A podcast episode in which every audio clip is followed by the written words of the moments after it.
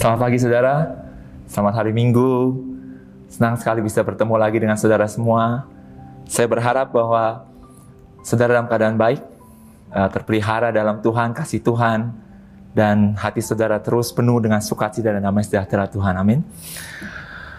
Kira-kira sebulan yang lalu kita merayakan Paskah, ya. Bulan April kita merayakan Paskah dan Paskah bagi kita saat ini adalah kemenangan. Itu bermakna kemenangan, kemenangan atas dosa, atas maut, dan atas kutuk. Tapi sadarkah saudara bahwa bagi murid-murid Yesus saat itu, hari tersebut bukanlah hari kemenangan. Bagi mereka hari itu adalah sebuah mimpi buruk, saudara. Di mana keraguan, ketakutan, keputusasaan mencengkram hidup mereka. Ya, hidup mereka hancur berkeping-keping di malam itu. Dari pengharapan yang begitu tinggi akan Yesus, yang bagi mereka adalah guru, bagi mereka adalah Tuhan, bahkan mungkin bagi beberapa dari mereka, Yesus adalah raja dalam arti raja sebenarnya. Itu raja bagi orang Israel, masa depan bangsa Israel dipimpin oleh raja yang namanya Yesus. Tapi mereka malam itu mendapat satu kenyataan yang sangat berbeda. Bahwa Tuhan mereka, guru mereka, akhirnya mati. Bahkan mati sebagai pesakitan di kayu salib, saudara. Saya pernah dengar satu teori, ya, bahwa ini hanya satu teori, tidak tercatat di firman Tuhan, bahwa Yudas Iskariot yang kita kenal sebagai sang pengkhianat itu ya, bahwa tidak terpikirkan mungkin dalam pikiran dia bahwa hari itu apa yang dia lakukan itu akan membawa Yesus sungguh-sungguh pada hukuman mati. Dia tidak berpikir bahwa itu akan terjadi. Bahkan yang dari sebuah teori yang saya saya pernah baca bahwa ada kemungkinan yang dia pikirkan adalah bahwa dia justru membantu, saudara, membantu mempercepat kehendak Allah terjadi, yaitu dengan apa? Dengan memperhadapkan Yesus ke hadapan imam, penguasa Roma, dan kemudian dengan keyakinan bahwa suatu yang besar akan terjadi, di mana Yesus akan mengalahkan uh, imam-imam dan penguasa Roma, dan seluruh negeri akan mendengar bangkitnya seorang raja Israel. Tapi sekali lagi kenyataannya tidak seperti yang dia pikirkan. Kejadian hari itu menghancurkan hidup murid-murid Yesus dan pengikutnya. Mereka mengalami krisis, mereka tercerai berai. Mungkin kita tidak pernah berpikir hari itu, saudara, karena bagi kita Paskah tetap adalah kemenangan, ya. Tapi bagi mereka malam itu, waktu mereka makan bersama dengan Yesus, mereka secara tradisi tahun ke tahun mereka mengadakan makan malam Passover, ya merayakan bangsa Israel yang keluar dari Mesir, um, dibebaskan oleh Allah. Mereka tidak tahu bahwa Passover yang kali itu menjadi suatu yang sangat berbeda mereka mas, memasuki satu masa yang namanya krisis dalam hidup mereka. Mereka tercerai berai. Apa yang mereka pandang terhadap malam itu sangat berbeda dengan yang saudara dan saya pandang terhadap malam itu hari ini. Bagi kita itu kemenangan, tapi saudara kalau kita ada di tempat mereka, hari itu adalah malapetaka saudara. Dikatakan di, Mar di Markus 14 ayat yang ke-50, ada satu kutipan, ini adalah kejadian waktu Yesus di Taman Getsemani, ya waktu Yesus ditangkap, dikatakan bahwa lalu semua murid itu meninggalkan dia dan melarikan diri. Mereka kocar kacir, saudara. Mereka tercerai berai. Ya. Nah, secara manusia, sebetulnya mereka telah gagal. Gagal sebagai murid Yesus. Gagal sebagai orang-orang yang dipersiapkan secara khusus untuk membawa kabar Injil kerajaan Allah ke seluruh dunia. Bahkan ironisnya, saudara, mereka gagal sebelum bahkan mereka melakukannya. Ya. Nah, Tapi ada satu hal yang yang saya mau bagikan hari ini dengan kita semua waktu saya merenungkan firman-firman ini bahwa apa yang Tuhan pandang, apa yang Yesus pandang, apa yang Yesus lakukan waktu menyadari dan mengerti dan mengetahui apa yang murid-muridnya alami.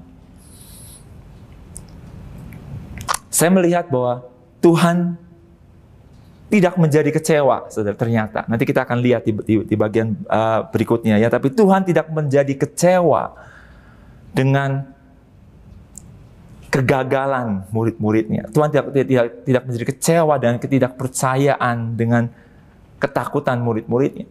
Ya, mari kita lihat di Yohanes 20 ada satu kejadian itu ini adalah kejadian hari yang sama setelah Yesus bangkit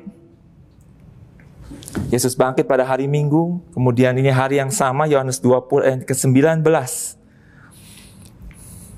Dikatakan di sini bahwa ketika hari sudah malam, pada hari pertama minggu itu berkumpullah murid-murid Yesus di suatu tempat dengan pintu-pintu yang terkunci karena mereka takut kepada orang-orang Yahudi. Mereka tidak tidak melihat kebangkitan Yesus sebagai kemenangan, saudara. Pada waktu ini dicatat wanita-wanita Maria sudah memberitakan pada mereka bahwa Yesus bangkit. Tapi saudara perhatikan, mereka berada di ruang itu, di rumah itu dengan pintu-pintu terkunci karena mereka takut. Jadi jangankan berharap pada hari Minggu itu waktu Yesus bangkit bahwa murid-muridnya subuh-subuh menunggu di depan kubur dengan semua pengharapan menantikan kebangkitan Tuhan ya tidak saudara tidak ada Bahkan waktu mereka sudah mendengarnya pun dari Maria Magdalena, mereka tetap hidup di dalam ketakutan. Karena bagi mereka, ini adalah krisis yang besar, saudara. Beberapa dari mereka mungkin berpikir, untuk apa saya mengikuti orang ini? Ya, mungkin sama seperti saudara ya, waktu kita menghadapi krisis, kita bisa mungkin berpikir, untuk apa saya melayani? Untuk apa saya melakukan ini, itu, dan semuanya? Mereka pergi meninggalkan keluarga mereka, selama tiga tahun mengikuti orang muda ini. Melakukan banyak mukjizat. Tapi sadarkah saudara bahwa waktu mereka menghadapi kenyataan bahwa guru mereka, Tuhan mereka mati di kayu salib. Itu satu pengalaman yang sangat berbeda saudara. Ya. Mereka sekarang end up istilahnya berakhir di dalam ketakutan mereka. Dan kita terus pada waktu itu datanglah Yesus dan berdiri di tengah-tengah mereka dan berkata, "Damai sejahtera bagi kamu." Dan sesudah dan sesudah berkata demikian, ia menunjukkan tangannya dan lambungnya kepada mereka. Murid-murid itu bersuka cita ketika mereka melihat Tuhan. Kata Yesus sekali lagi, damai sejahtera bagi kamu. Sama seperti Bapa mengutus aku, demikian juga sekarang aku mengutus kamu. Dan sesudah berkata demikian, ia menghembusi mereka dan berkata, terimalah roh kudus. Jikalau kamu mengampuni dosa orang, dosanya diampuni. Dan jikalau kamu menyatakan dosa orang tetap ada, dosanya tetap ada. Waktu saya melihat merenungkan firman ini, terus terang bagi saya ada satu hal yang uh, cukup aneh ya. Maksud saya begini, Murid-murid dalam ketakutan, saudara. Mereka tidak siap untuk menerima satu misi. Tapi tetap Yesus memberikan mereka misi. Dan yang luar biasanya adalah kata-kata pertama yang Yesus katakan, damai sejahtera bagi kamu. Rema yang saya dapatkan saudara, di dalam ketakutan kita, di dalam kebimbangan kita, di dalam keraguan kita, Tuhan yang mengulurkan tangannya dan datang pada kita, saudara. Kalau Tuhan kecewa dengan sikap murid-murid yang lari, maka dia tidak akan menampakkan diri pada orang-orang ini lagi. Tapi dia datang dan dia mengatakan dua kali damai sejahtera bagi kamu. Karena Tuhan tahu yang dibutuhkan oleh mereka adalah damai sejahtera. Dan yang luar biasanya, terlepas dari bagaimana sikap mereka, kondisi mereka, Tuhan tetap mengatakan, demi mengatakan begini, bahwa sebagaimana Bapa mengutus aku, maka aku juga mengutus kamu. Kadang-kadang saya berpikir, what? Dengan orang-orang ini yang bersembunyi di dalam ketakutan. Tuhan tetap menyatakan bahwa ini yang akan aku lakukan dalam hidup engkau. Amin. Dan berikut ya, kemarin kita teruskan ya. Di ayat yang ke-24. Tetapi Thomas, seorang dari kedua belas murid itu yang disebut Didimus, tidak ada bersama-sama mereka ketika Yesus datang ke situ. Maka kata murid-murid yang lain itu kepadanya, kami telah melihat Tuhan. Tapi Thomas berkata kepada mereka, sebelum aku melihat bekas paku pada tangannya dan sebelum aku mencucukkan jariku ke dalam bekas paku itu dan mencucukkan tanganku ke dalam lambungnya sekali-kali aku tidak akan percaya. Wow, saudara. Wow.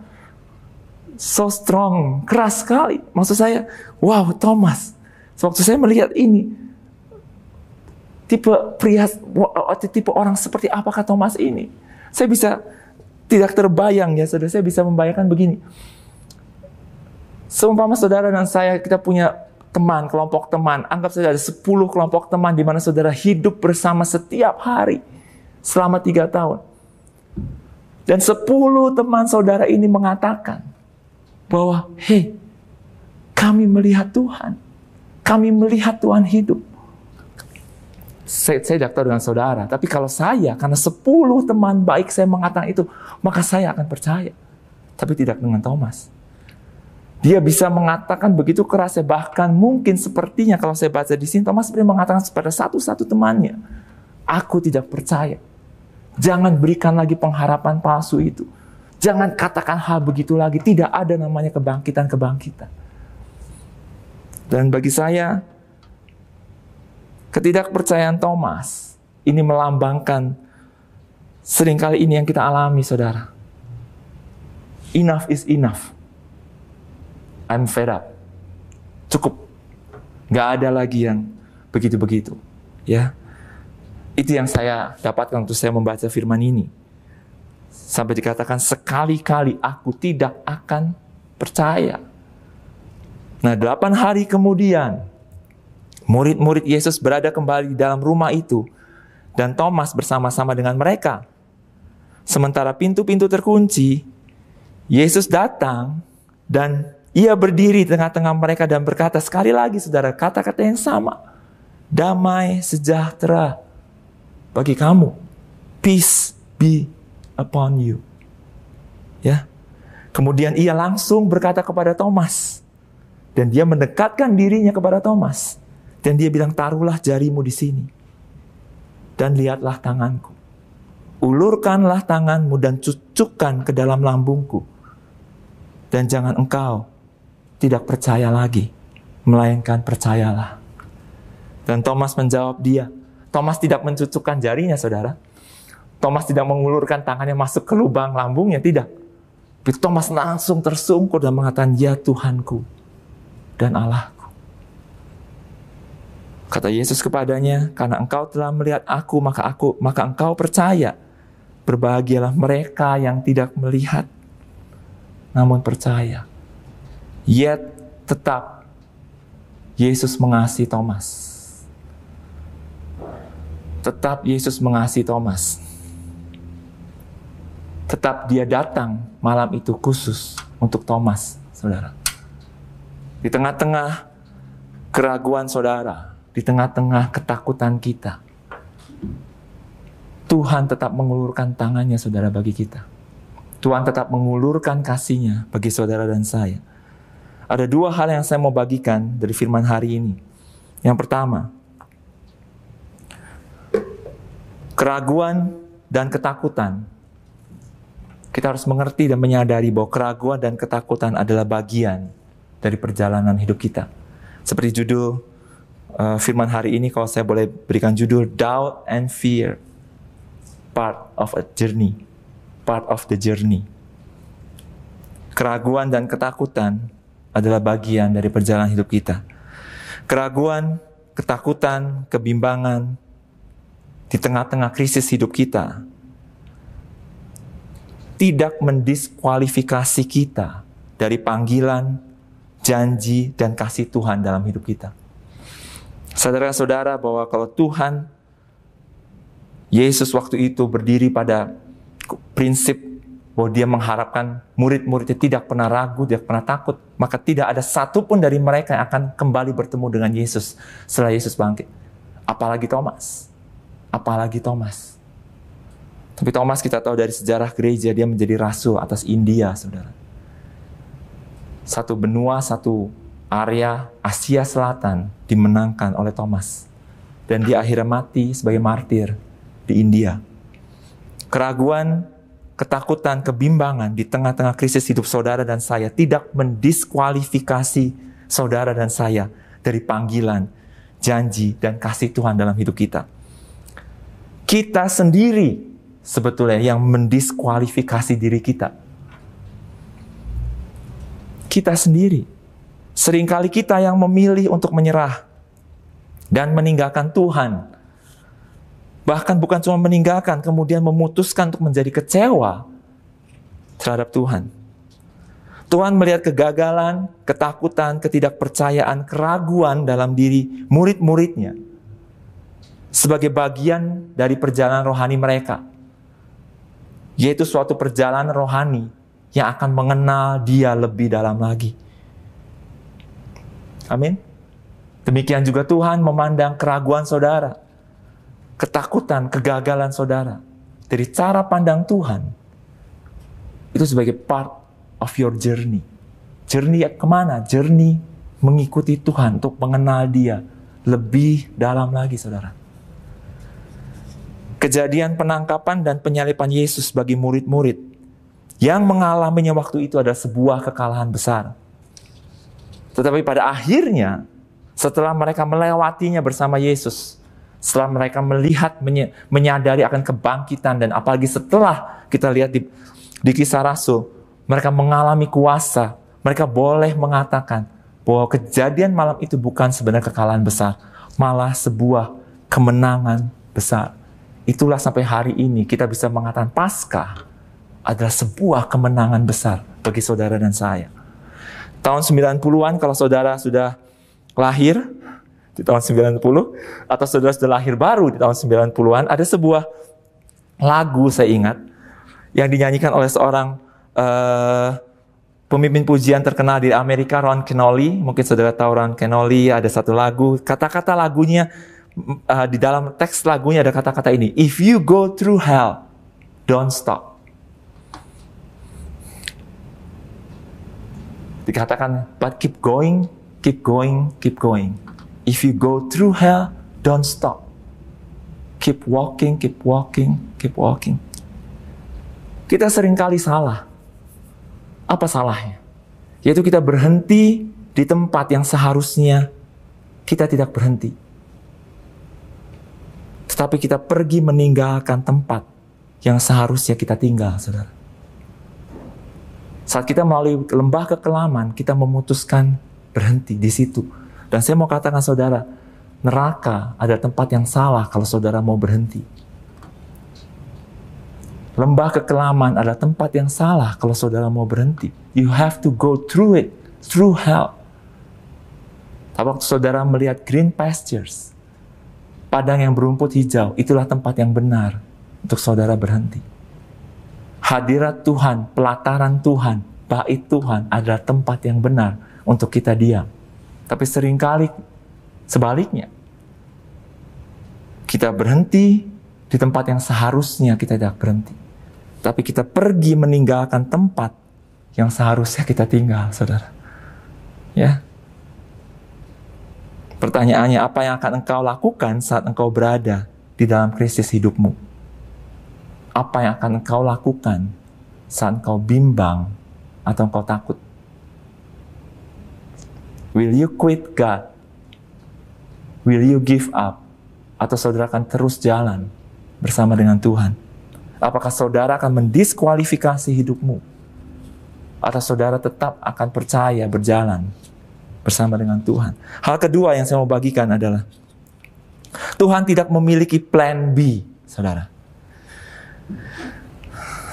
Menarik sekali ya. Saya punya perumpamaan seandainya kalau saudara adalah penasehat dari Yesus misalnya ya. Misalnya Yesus waktu itu waktu memuridkan murid-murid ini memilih saudara sebagai penasehatnya. penasihat pribadi. Dan waktu hari malam itu, waktu Yesus ditangkap, saudara ada di sebelah Yesus dan melihat 12 muridnya. Dan akhir ada fakta yang kemudian saudara tahu bahwa salah satu dari murid Yesus itu yang adalah pengkhianat. Dan kemudian apalagi saudara kemudian mengetahui waktu setelah Yesus ditangkap, murid-murid itu melarikan diri. Kocar kacir, ya. Bahkan salah satu pemimpin dari murid-muridnya itu menyangkal gurunya. Mungkin kalau saudara ada kesempatan sebagai penasihat Yesus, saudara akan mengatakan itu pada Yesus sebelum hal itu terjadi. You better have plan B. Guru, I think you have, you better have plan B. Maksud plan B apa? Kayaknya kamu harus punya satu squad yang lain, kumpulan 12 orang yang lain, karena yang ini kelihatannya akan gagal. Coba kita kadang-kadang tidak tidak pernah berpikir, tapi saudara bayangkan betul satu misi yang besar, membawa kabar Injil ke seluruh dunia. Tiga tahun setengah bersama-sama dengan gurunya. Tapi pada saat ujian terakhir, semuanya gagal, saudara. Semuanya gagal. Yang nilainya 60, Yohanes lumayan ya. Mungkin. Semuanya gagal. Tapi Tuhan tidak punya plan B. Yesus tetap memilih orang-orang ini.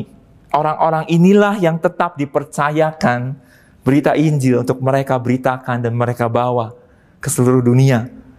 Dengan kondisi kocar kacirnya mereka, dengan kondisi kegagalan, ketakutan, apa pun yang mereka alami, saudara ya.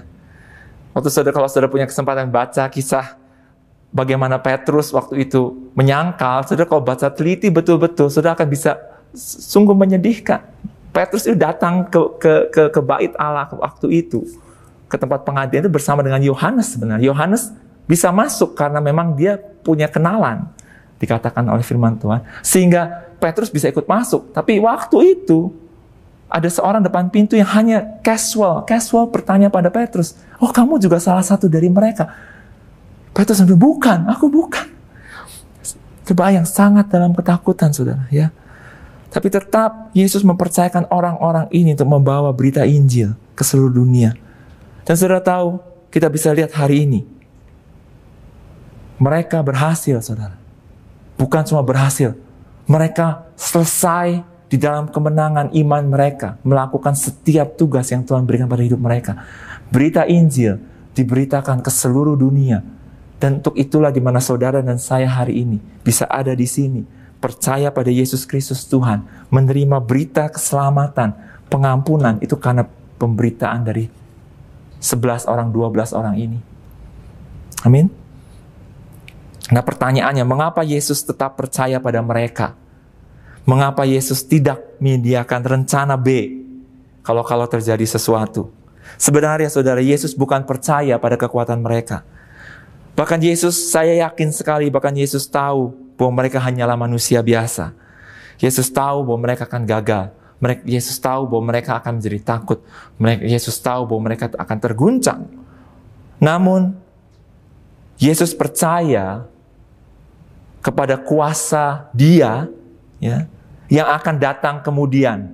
Nah ini saudara, ini yang saya mau mau sharekan sebagai poin yang kedua ini.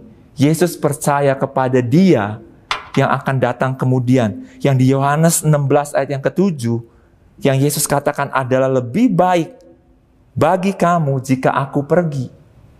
Dan di ayat yang ke-13 dikatakan, apabila ia datang, yaitu roh kebenaran. Iya saudara, roh kudus itu bukan satu zat, bukan satu uh, substance, tapi dia ada pribadi saudara ya Apabila ia datang, yaitu roh kebenaran, ia akan memimpin kamu di dalam seluruh kebenaran. Yesus percaya akan kuasa roh kudus, yaitu pribadi yang akan bekerja secara luar biasa dalam diri mereka dan kita. Ada seorang hamba Tuhan, saya barusan dengar kesaksian dia uh, beberapa waktu yang lalu. Uh, dia dia sharingkan satu kesaksian dia mengatakan begini waktu dia merenungkan kisah tentang Lazarus. Ya, kemudian dia bertanya pada Tuhan di dalam hatinya, Tuhan, kira-kira Lazarus itu orang seperti apa ya? Ini orang luar biasa sekali. Empat hari saudara, dia mati. Empat hari.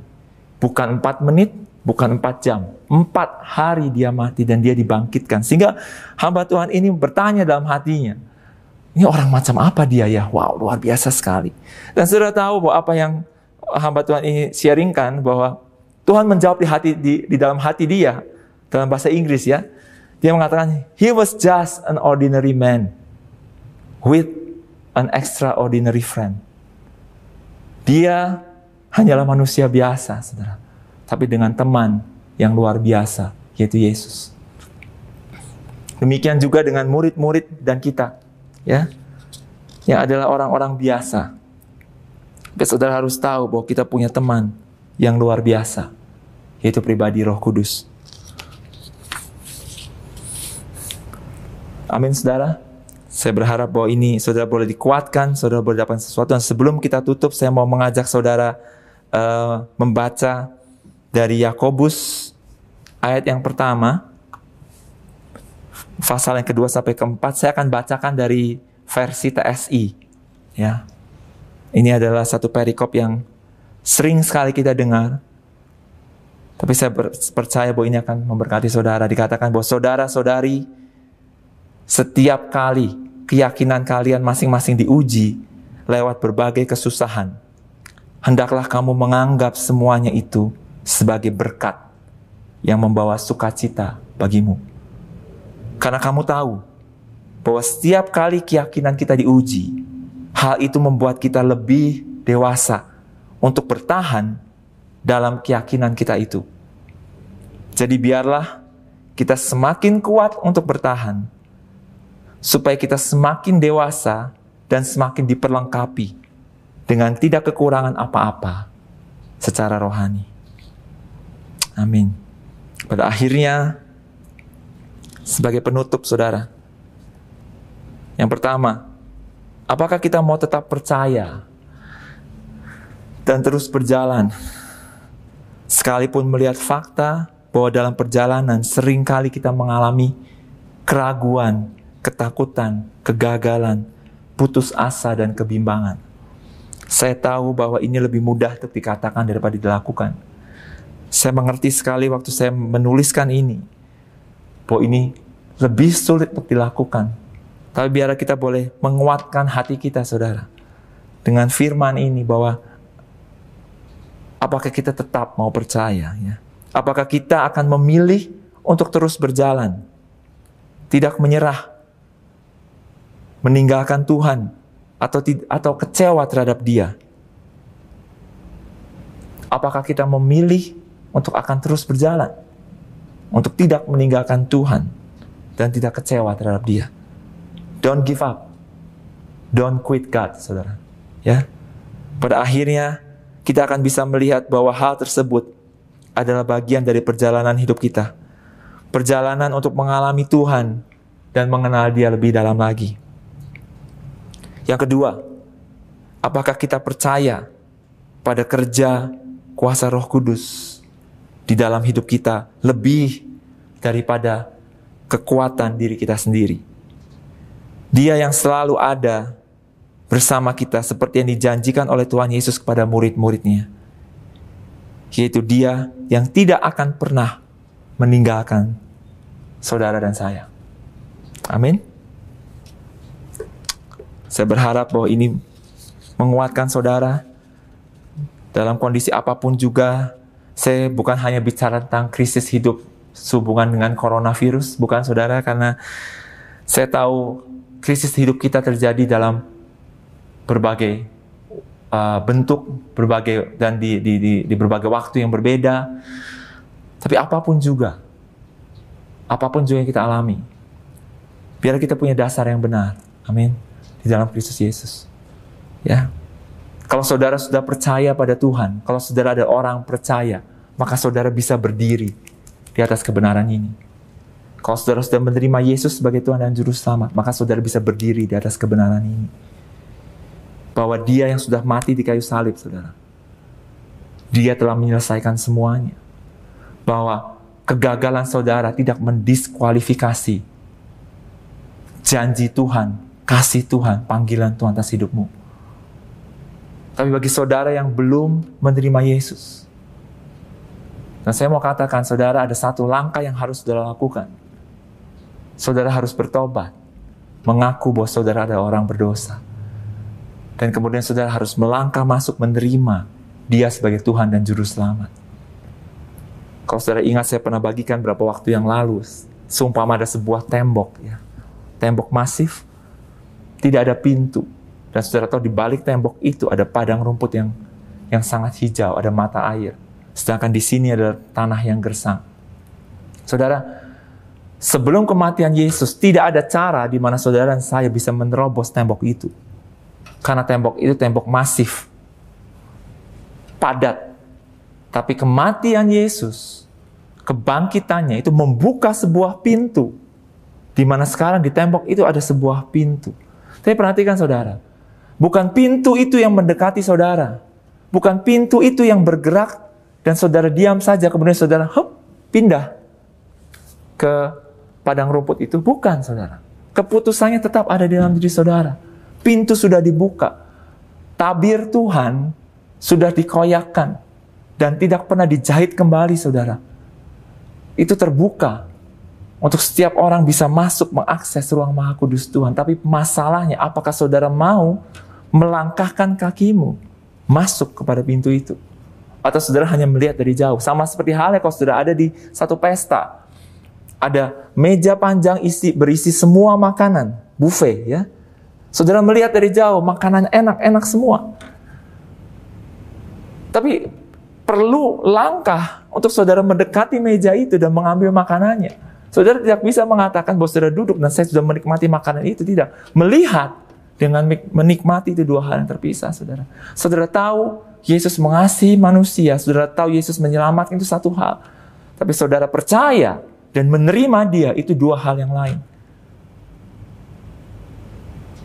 Apakah saudara mau menerima Yesus sebagai Tuhan dan Juru Selamat? Apakah saudara mau mengaku bahwa Yesus adalah Tuhan dan saudara orang berdosa? Dan bagi saudara yang sudah menerima Yesus, janji-janji ini ada bagi kita, saudara. Roh Kudus ada bersama saudara dan saya. Dan bagi saudara yang belum menerima Yesus, saya hanya mau mendorong saudara ini waktunya. Surrender yourself. Terima dia sebagai Tuhan dan Juru Selamat. Amin. Ya, saya mau tutup. Mari kita tutup di dalam doa. Dan saya mau mengajak kalau ada di antara saudara yang belum menerima Yesus, saudara boleh mengikuti doa saya sebentar ini. Tuhan, Aku mengaku bahwa Engkau adalah Tuhan dan Juru Selamat. Aku mengaku bahwa aku adalah orang berdosa. Bahwa tanpa Engkau aku tidak bisa Tuhan menerima keselamatan. Aku tidak bisa membenarkan diriku sendiri. Pada hari ini, biarlah Bapak bahwa aku mau melangkah masuk mendekati pintu itu. Aku mau menerima Engkau sebagai Tuhan dan juru selamat pribadiku. Ampuni dosa-dosaku ya Tuhan. Dan biarlah seperti apa yang kau katakan di firman-Mu. Barang siapa mengaku dengan mulutnya bahwa Yesus adalah Tuhan dan percaya dalam hatinya bahwa Allah telah membangkitkan dia dari antara orang mati, maka ia akan diselamatkan. Terima kasih ya Tuhan, kami sungguh bersyukur untuk pagi hari ini, bersyukur untuk firman-Mu, Aku sungguh berdoa biar firman ini boleh menguatkan kami melalui masa-masa hidup kami. Entahkah hari ini kami berada di atas atau di bawah Tuhan. Berada di kemenangan atau di kekalahan. Tapi biarlah kami boleh percaya, sungguh-sungguh percaya bahwa Engkau tidak pernah meninggalkan kami. Bahwa Engkau tidak mendiskualifikasi kami. Bahwa Roh Kudus ada bersama dengan kami. Terima kasih Tuhan aku memberkati semua jemaat, semua orang yang menyaksikan rekaman ini, setiap keluarga.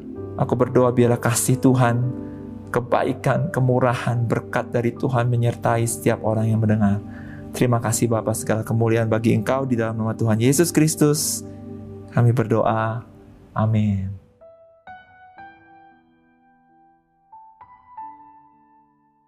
Saudara, pada pagi hari ini kita akan mengambil perjamuan kudus. Dan saya mempersilahkan untuk saudara mungkin mempersiapkan perjamuan kudus di rumah saudara. Saudara boleh berkumpul dengan anak-anak, dengan suami istri saudara.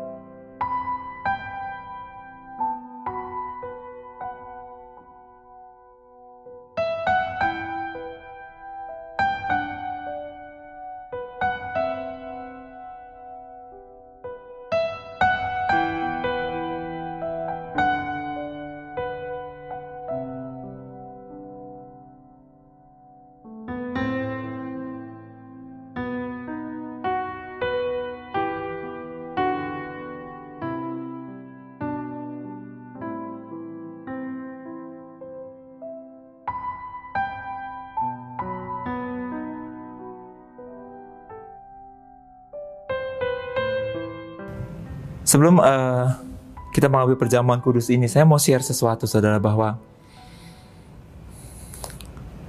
saya teringat tentang salib, ya. Salib uh, bagi kita hari ini salib adalah satu bahkan menjadi ornamen di rumah kita, ya. Salib menjadi uh, bahkan liontin di kalung saudara.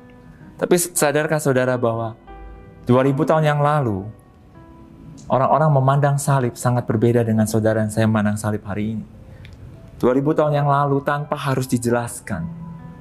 Setiap orang di tanah Palestina, di tempat di mana Yesus ada waktu itu, tahu waktu mendengar seorang mati di kayu salib, dia langsung tahu bahwa itu ada satu kenistaan, satu penghinaan terbesar satu hukuman mati yang paling uh, menyiksa, satu hukuman cara mati yang paling rendah dari semua cara mati dari seseorang yang bisa dia terima, dipermalukan, dihina, direndahkan. Begitu nasty dan begitu ugly-nya saudara salib waktu itu. Biar kita boleh mengerti dan boleh mengenang waktu setiap kali kita mengambil persembahan, berjamuan kudus saudara bahwa ini bukan hanya bicara tentang satu ritual gereja, tapi ini adalah sesungguhnya sungguh-sungguh inti dari iman kita bahwa kematian Yesus, tubuh dan darahnya yang dilambangkan dengan roti dan anggur ini, itu menebus hidup saudara dan saya. Dan setiap janji Tuhan, setiap kebenaran Tuhan ada semua di dalam dua elemen ini saya tidak mengatakan elemen ini kemudian menjadi pemujaan berhala saudara, bukan. Tapi ingatlah setiap kali kita makan dan minum, ingatlah bahwa because of this, karena ini, aku sembuh. Karena ini, aku mengalami pemulihan.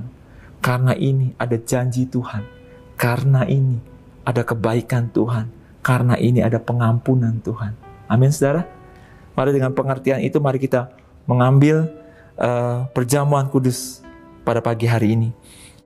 Sebab apa yang telah kuteruskan kepadamu, telah aku terima dari Tuhan, yaitu bahwa Tuhan Yesus pada malam waktu ia diserahkan, mengambil roti, dan sudah itu ia mengucap syukur atasnya.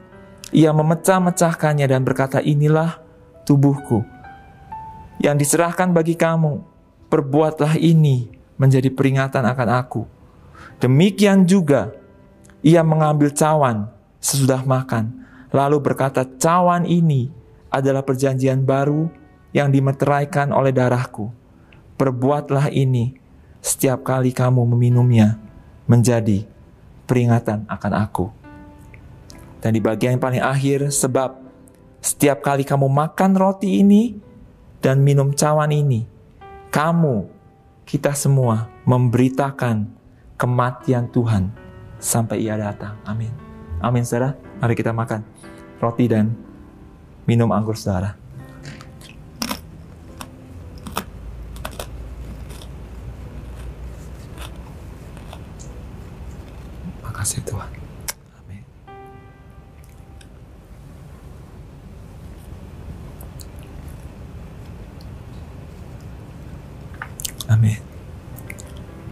Amin. Saudara. Tuhan terima kasih kami sekali lagi menerima perjamuan kudus ini dengan iman kami. Bahwa kami setiap kali kami memakan, mengambil perjamuan ini kami mengingat kematianmu. Bukan cuma mengingat, bahkan kami memproklamirkan kematian Tuhan sampai dia datang. Tuhan kamu, kami percaya bahwa sungguh karena kematianmu, karena salibmu, maka kami beroleh semua janji yang kau sediakan bagi hidup kami. Terima kasih ya Tuhan, bersyukur dan menerima perjamuan ini di dalam kasih yang dari Engkau. Di dalam nama Tuhan Yesus, kami berdoa. Amin. Amin, saudara.